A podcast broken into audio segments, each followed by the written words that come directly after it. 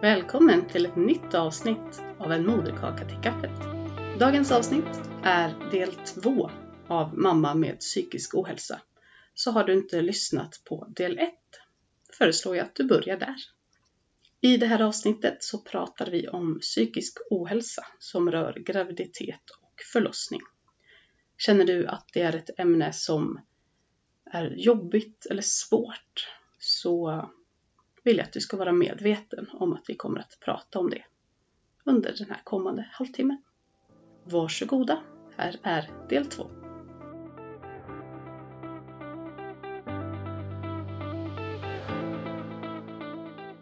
Eh, ja, men det är intressant det här med att känna sig stark efter, efter man har fött. För jag tror att det är oerhört viktigt. Eller man behöver inte känna sig jätte... Alltså, tror inte att man måste känna sig stark och oövervinnerlig. Och liksom, de är jättestora känslorna men du måste känna, tror jag, att du, att du gjorde det. Yes, du gjorde det. Inte att, åh oh, gud, shit vi gjorde det, vi, vi dog inte. Utan jag har gjort det här. Jag har klarat det här, jag har genomfört det här. Jag har fött barn. Ja. Verkligen känna att det här är något jag har gjort. Mm. För det är stort. Det är jättestort och det var faktiskt, det kände jag faktiskt.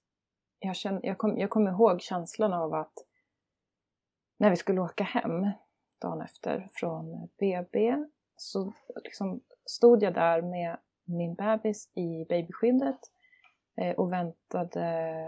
Jag tror att min mamma kom och plockade upp oss. Eh, så vi stod väl och väntade kanske en stund på ja, tills hon skulle komma utomhus. Och, och det, det slog mig att det, var så, det kändes så konstigt för att i mig så kände jag, alltså jag hade verkligen genomgått en transformering, en enorm transformering. Jag kände mig så stor och stark och alltså jag kände mig som en, en gudinna, en stark gudinna. Och så stod jag där och i, i den här vardagen liksom. Ehm, det var bilar som åkte omkring och jag, jag kände nästan att, men hallå ser ni inte att jag har fött barn? Alltså förstår ni inte vad stort det här är? Förstår ni, ser ni vad jag har gjort liksom? Så det, ja, det var väldigt häftigt att, att få känna den inom sig. Den här enorma, ja det enorma i hela situationen. Alltså jag ryser. Det är, alltså det är så häftigt. Och när du säger det, när jag ser det, nu ser jag det på utanför sjukhuset här i Umeå. Men ändå när jag ser det framför mig att bara, hallå, det här har jag gjort. För det är så stort. Och det är också mycket där vi har tappat i vårt samhälle. Att vi inte hyllar den födande. Att det bara ses som någonting som bara, ja, ja, ja, men du går ut från sjukhuset precis som man går ut när man har gipsat ett ben. Och det, är inte, det är inte närheten. Det är liksom, mm man har skapat ett liv, man har fött fram ett liv ur sin kropp. Ja, du sa ju det under vår utbildning också. Att de födande är mäktiga gudinnor, inte duktiga, lydiga patienter. Och det har verkligen stannat för mig. Det är så stort. Det är den känslan jag vill att alla födande ska känna. Det är liksom därför jag gör det jag gör. Ja, ja men exakt. Och det, jag tycker att det är så... Ja, okej, okay, även om man inte behöver känna sig som en mäktig gudinna. Det kanske inte är allas grej liksom. Men eh, i alla fall att få känna att det här har jag gjort. Yes. Ja, men precis. Istället för att man har överlevt och varit en duktig patient. Mm. Ja, för det ska ju in, helst inte kännas som att jag har överlevt en bilkrock. Hellre wow, jag har bestigit Mount Everest. Det är lite skillnad på de upplevelserna. Ja, verkligen. Och jag tror verkligen att det, ehm, det behöver inte vara så. Men till eh, stor del så tror jag att där läggs grunden för hur det ska fortsätta sen. Men eh, självklart så kan man ha haft en jobbig förlossning och ändå må bra efteråt. Och man kan drabbas av depression efteråt trots att man har haft en underbar upplevelse. Ja men precis, ja våra historier är ju väldigt så här, varsin sida men vi är två personer. Det finns liksom så många olika upplevelser här. Precis. Ja, men efteråt så självklart så fick jag lite baby blues. Eh, det är de här, ja, den här känsliga perioden som är precis efteråt. När östrogenet bara vråldippar. Alltså det är så mycket som händer i kroppen efteråt. Det så det är helt otroligt. Jag, eh, jag var ju faktiskt, det var jag också lite orolig för. Eh, eller ganska orolig för att jag skulle må dåligt efteråt, drabbas av en depression på grund av hormonerna. Så att jag eh, anlitade en dola som, eh, jag hade inte med dola under graviditet och förlossning, men jag anlitade henne så att hon kunde kapsla in min moderkaka. Och det kommer vi, vi har ju nämnt det och vi kommer prata mer om det sen.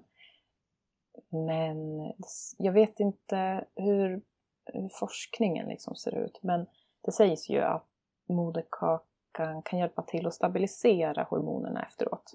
Och jag kände att det finns, eh, som det ser ut idag så finns det absolut inga nackdelar med att äta sin moderkaka och jag tänkte att vi kör, alltså i värsta fall så funkar det inte. Så att jag ville safea liksom. Och eh, jag mådde väldigt bra efteråt också. Självklart var det, det är jättemycket som är tufft med att bli förälder första gången. Men jag kan inte säga att jag mådde dåligt alls faktiskt. Jag mådde väldigt bra. Det är också fantastiskt. Men det här, vi ska prata mer om moderkakan, men bara en fråga. Jag tror många är nyfikna. Var det några konstigheter att få med dig moderkakan hem från sjukhuset?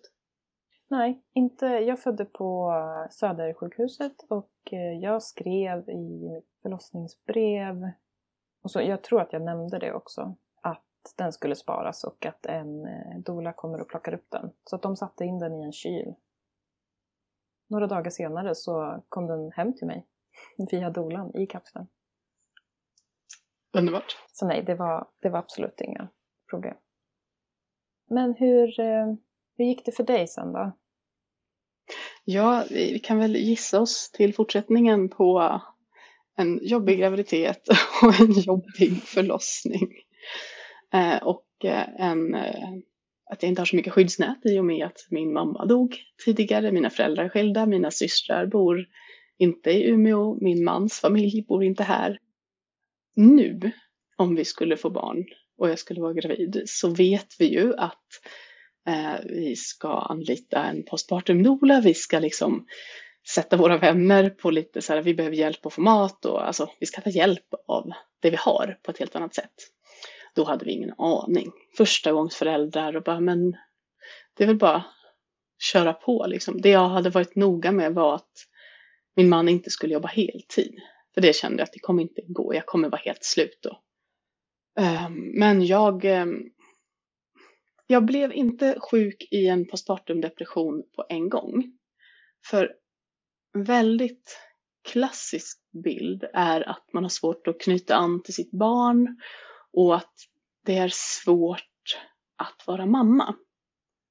Det var det aldrig för mig. Eh, det var, ja, det var lite småkinkigt att få igång amningen men, och det blev lite mjölkstockning och fick åka in liksom. Men det ordnade sig. Men babybluesen var jobbig, men den gick över.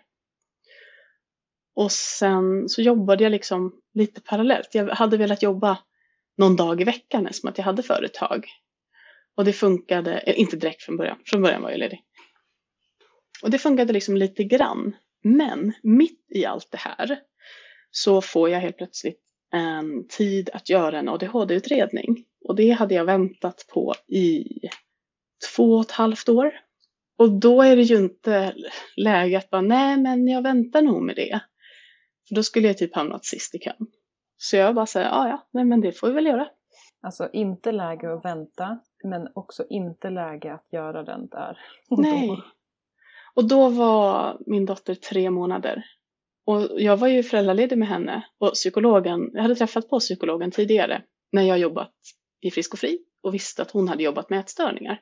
Och då kände jag bara yes, äntligen har vi någon här som kan se liksom alla delarna hos mig. För många i psykiatrin och vården kan bli lite sådär, jaha men här har vi den diagnosen och här har vi den. Och så kommer jag med väldigt blandade diagnoser. Då har jag känt att de blir lite, lite stressade och förvirrade. Men jag hade med mig min dotter och så körde vi på i tre dagar. Så under liksom en veckas tid så satt jag och gjorde en ADHD-utredning för det blev någon paus över någon dag här och lite så. Så det var ju... alltså jag skrattar åt det nu för att det är så, en så konstig situation. Men det var ju bara att göra på något sätt. Och den utredningen tog nog väldigt mycket från mig mentalt som jag inte förstod. Också nu förstår jag. Men då förstod jag inte hur skör jag var och jag förstod inte hur mycket av det som är ADHD påverkar. Eh, för att sen gick det några månader och sen så fick jag ju då diagnosen ADHD. Då hade jag också fått eh, diagnos eh, förlossningsdepression. För den kom då i september. Mitt barn är född i mars. Våren funkade, det var tungt, men det var ändå lätt att förklara bort det med att ja, men jag är nybliven mamma, jag sover dåligt och så här, livet är annorlunda. Eh, sen var min man ledig över sommaren. Vi var hemma tillsammans, allting gick så mycket lättare. Och sen började han jobba och det, jag kunde verkligen se veckan efter att han började jobba, där brast det. För att vara ensam hemma blev för svårt. Och det, när jag sen lärde mig ännu mer om ADHD så blev det ju väldigt tydligt att det svåra är förändringar. Att bli gravid, att föda barn, att bli mamma. Att eh, vara två föräldrar och sen bara vara en. Så alla de förändringarna var jättesvåra. Och det lätta att fokusera på, det är det man tycker är kul. Och jag fick jättemycket härliga hormoner av att ta hand om mitt barn. Jag har aldrig tyckt att det var svårt att vara mamma. Jag har aldrig haft något svårt att knyta an till henne. Men allt det här runt omkring, att liksom ta sig iväg till öppna förskolan, att prata med andra vuxna, att också hinna med att eh, duscha själv och hinna planera att nu ska man äta lunch och alltså det var så mycket så att jag, ja, det brast liksom på alla sätt. Så att jag var nog både utmattad och deprimerad länge utan att jag förstod det. Och jag var nog det även när jag gjorde utredningen. Um, sen blev det liksom förvärrade inte av utredningen specifikt, men av tidens gång. Men då i oktober 2020 så fick jag börja i en stödgrupp som de uttryckte så fint att det var en grupp för föräldrar med barn under ett som mår lite dåligt. Jag bara, okej, okay, vi mår lite dåligt och sen kommer jag till gruppen och bara, vi mår inte lite dåligt, vi mår skit allihopa. Det, vi... och det var väldigt, väldigt skönt. Alltså så fin grupp och många av oss har fortfarande kontakt liksom två år senare. Och så skönt att se andra mammor och bara yes, du vet hur det är. Det är liksom inte bara bita ihop. Och det var sån kontrast mot att sitta på öppna förskolan när jag kände att så här, wow, jag har tagit mig hit. Jag sitter bland andra människor och har lyckats packa en skötväska. Och mitt barn får vara med och sjunga en sång. Sen ska jag hem och ligga på soffan och gråta tills min man kommer hem. Och så sitter det andra föräldrar där som bara, ja, nej men imorgon går jag på nästa öppna förskola och nu ska jag hem och laga mat. Sen ska storebror till, till fotbollen och jag satt liksom storögd och bara, va? Nej, nej, nej, nej, nej. Kan man göra sånt? Vad pratar du om?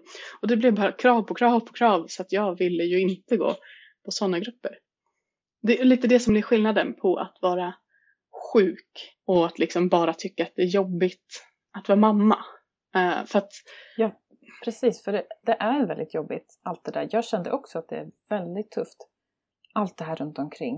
Uh, alltså bara att inte, alltså från att ha varit sin egen till att inte vara det längre. Du, har, du kan inte bestämma över din tid på samma sätt. Jag tyckte att det var väldigt jobbigt. Men som, precis som du säger, det är ju skillnad på att tycka att det är jobbigt och att hålla på och gå under. Ja men precis. Och det är ju samma när det inte handlar om en förlossningsdepression, att vara deprimerad eller att inte vara det. Alltså alla människor mår dåligt. Men alla är inte deprimerade. En depression är djupare och vänder inte utan hjälp. Man måste Nej. få hjälp, för det är ett sjukdomstillstånd. Ja. inför det här avsnittet så gjorde jag lite research på um, nätet. Eh, vi ska se om jag hittar det här. När du letar upp den så känner jag bara att eh, jag vill inte lämna den här i att jag låg på golvet och grät, utan jag fick jättebra hjälp och jag blev frisk från depressionen. Eh, jag började medicinera både ADHD och depression och har idag klivit av en del av medicinerna. Det går att må bättre, det går att bli frisk, men du måste söka hjälp. Mm. Det vill jag verkligen skicka med. Precis, det är så viktigt. Jag hittade lite information på 1177. Jag tänkte först då att jag eh, läser upp lite, lite punkter på vad som kan orsaka förlossningsdepression. Eh, och då har det ju stått lite innan, men här är exempel på sådant som kan göra att du lättare får en depression. Det var en besvärlig graviditet, förlossning eller adoption. Det är svårt att få till matningen av barnet. Det kan vara svårt att få till amning, eh, att få amning att fungera. Du tvivlar på din förmåga att ta hand om barnet. Du ville inte skaffa barn från början. Ja, den är jobbig. Du saknar stöd från närstående. Barnet skriker mycket. Hen kan vara svår att mata eller sover bara i korta perioder. Eh, du har konflikter och svårigheter som inte har med barnet att göra. Du har upplevt tidigare psykiska problem eller trauman. Du har en rubbning i sköldkörtelns funktion. Och det kan ju såklart vara flera punkter och, och andra punkter som gör att man kan få en depression efteråt. Eh, men sen står det så här, och det reagerade jag på. En depression brukar vanligtvis gå över inom ett halvår, för vissa tar det längre tid. Mm. gå över? Nej, det går inte över. Nej, det går inte över utan hjälp. Jag har fått diagnosen recidiverande depression, vilket jag har behövt lära mig tack vare Försäkringskassan. Vi ska inte prata om dem. Eh, men det är ett intressant uttryck, för det innebär att jag har återkommande depressioner. Det betyder inte att jag liksom alltid kommer att ha det, men jag har haft olika, ett visst antal längre depressioner inom ett visst antal år, liksom, så att de kan se att det här finns. För det gör att jag har större risk för återfall i depression. Och nej, jag vet inte om jag tycker att det går över efter ett halvår. Får man hjälp så blir det absolut bättre efter ett halvår. Men ja. det tar ofta tid. För min del så låg depressionen kvar ganska länge för att jag också blev utmattad innan depressionen hade läkt. Då tog det längre tid att läka depressionen. Ja, nej men så är det någon eh, som känner att ja, det här kanske är en depression, så vänta inte ett halvår och hoppas på att det ska gå över. Nej, nej, nej. nej. För att det gör troligtvis inte det. Sök, sök hjälp och eh, får du inte bra hjälp så sök vidare. Mm. Och se till att du kanske har någon med dig som kan vara stark och söka. Mm. För det tror jag kan göra mycket. Jaha, gud, ha stöd. Och sen, en depression måste inte behandlas med medicin. Jag har blivit frisk från många utan medicin. Eh, man kan göra mycket med liksom kost och motion och dagsljus. Men man behöver ett professionellt stöd också. Mm. Det är jätte, jätteviktigt. Precis. Jag, jag har samma erfarenhet. Jag har inte tyckt att medicin har hjälpt särskilt mycket. Och jag går inte på några mediciner alls idag faktiskt. Utan det som har hjälpt är främst stödet att få prata med någon. Och eh, prata med någon som, som du säger, är professionell. Mm. Det kan hjälpa jättemycket att prata med sin partner eller kompis, absolut. Men jag tror att det är bra att prata med någon som man känner förtroende för, som är professionell. Mm. Ja, för det är en sjukdom så man ska absolut få hjälp. Och det är även, jag jobbar mycket med coachning och då är det också, vi hänvisar alltid vidare om det är ett sjukdomstillstånd. För som coach så kan man inte behandla en depression. Då måste man till en psykolog eller en psykiatriker. Men eh, jag upptäckte också lite intressant när jag gjorde lite research att syntetiskt oxytocin, Eh, verkstimulerande dropp är ju det vi kallar det på svenska. Jag hittade lite engelska källor nämligen som berättar att om man får verkstimulerande dropp så ökar det risken för en postpartum depression med drygt 30 procent. Här hade jag ingen aning om innan. nu vet jag det och hade jag vetat det då, när jag hade haft liksom depressiva problem under graviditeten, då hade jag vägrat. Då hade jag bara sagt, det får ni bara sätta in i absoluta nödfall när vi har provat allt annat.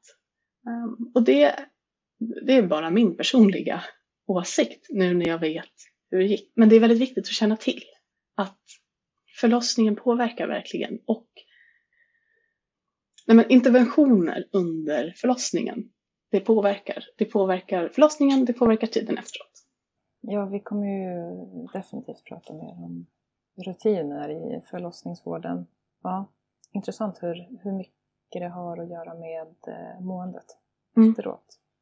Ja, det är väldigt intressant. Jag måste, eller måste, måste, jag skulle vilja eh, hitta den forskningsrapporten också, för nu har jag inte läst grundkällan. Tack och lov är jag inte här i roll som journalist. Så att jag ska nog eh, ta mig tid att faktiskt titta på lite orsakerna till varför. För att det är väldigt intressant. Mm, mm. Ja, du får jättegärna säga vad du hittar, för det där tycker jag också är väldigt intressant. Mm.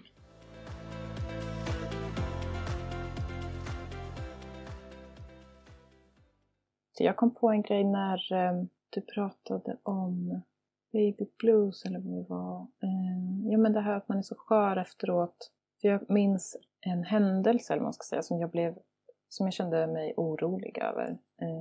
Vi var tvungna att åka in eh, några dagar efter för att eh, min dotter var lite gul. Eh, hon hade lite högt bilirubin, a.k.a. gulsot. Så vi var tvungna att åka in och hon skulle få sola. Och man är jättekänslig efteråt. Oavsett liksom hur, vilket grundmående man har så är man känslig. Och det, trots att jag liksom generellt har mått bra i hela, det här, hela den här resan så är det en av de jobbigaste stunderna i mitt liv, tror jag. Eh, alltså jag, min, jag minns det i alla fall så, så väl. Eh, för att jag var så skör. Eh, jag, fick inte, jag fick inte hålla i henne, jag fick inte amma henne så mycket som hon ville, och så mycket som jag ville, för hon var tvungen att ligga och sola. Och eh, jag kände inte att jag blev sedd.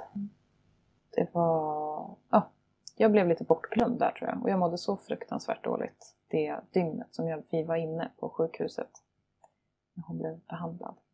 Eh, så det var jag faktiskt orolig över en kort stund efter att det här, nu, nu går det ut för. det här var droppen liksom, det är nu det börjar. Men det blev ändå inte så då, som tur är. Men det var en väldigt, det är nog det jobbigaste faktiskt som jag har varit med om i min graviditetsresa, våran graviditetsresa. Ja, jag tror att du sätter fingret på vad det är som blir fel och blir risk för den födande. Att inte känna sig sedd, att inte uppleva att någon finns där för en själv. Och jag tror att det om något är alltså den största risken som finns. När eh, mamman, den som föder, inte, inte blir omhändertagen. Mm. För det är så ja, viktigt. Ja, precis. För visst så, vi var ju inne för min dotters skull. Eh, och de som jobbade där var ju specialiserade på barn, alltså små bebisar. Men jag, eh, alltså jag tänker att man måste, man måste, de som jobbar med så små barn får ju också även kontakt med deras föräldrar. Och en nyförlöst mamma är, alltså Ja, men, man kan inte man ta hennes barn ifrån få... henne hur som helst. Nej, jag, jag, jag, tror man måste få bättre koll på, eller liksom utbildning, eller gå kurser. Eller, det, det måste liksom bli bättre för att jag satt och jag mådde väldigt tydligt väldigt dåligt. Jag satt och storgrät och liksom det kom in folk som vissa ignorerade det helt och hållet. Alltså som att jag inte satt och grät. Och vissa som blev väldigt obekväma Eh, visste inte riktigt hur de skulle hantera det. Och det var inte så att jag in, alltså på insidan mådde dåligt och dolde det. Utan det var i hela rummet. Det kanske var en anledning till att det inte alltså att du inte mådde dåligt av det efteråt. Du lät det komma ut där och då. Du lät känslorna finnas. Sen är det synd att personalen inte liksom kan vara mer bekväma, att de inte kan gå fram och lägga en hand på axeln och bara, hur är det? Behöver du någonting? Jag förstår att det här är jättejobbigt. Eh, och som sagt, en tre dagars mamma. Alltså inte mycket, mycket människa höll jag på att säga. Man är otroligt mycket människa och det är just det som är grejen. Man är ju liksom, mm. hela ens varelse är sammankopplad med den där lilla, lilla bebisen. Och att då inte ha kontroll över det och att inte heller bli sedd. Det blir jätteskört och det blir jättesårbart. Och det är klart att det blir traumatiskt. Det är klart att du gråter och är ledsen och rädd. Mm. Ja, ja det, var en, det var faktiskt en fruktansvärd upplevelse. Mm. Men nu, alltså jag är ju, mycket gjorde nog att jag hade så många friskfaktorer sedan innan. Mm. Som gjorde att det inte påverkade mig mer. Jo, friskfaktorerna är ju, är ju det viktiga.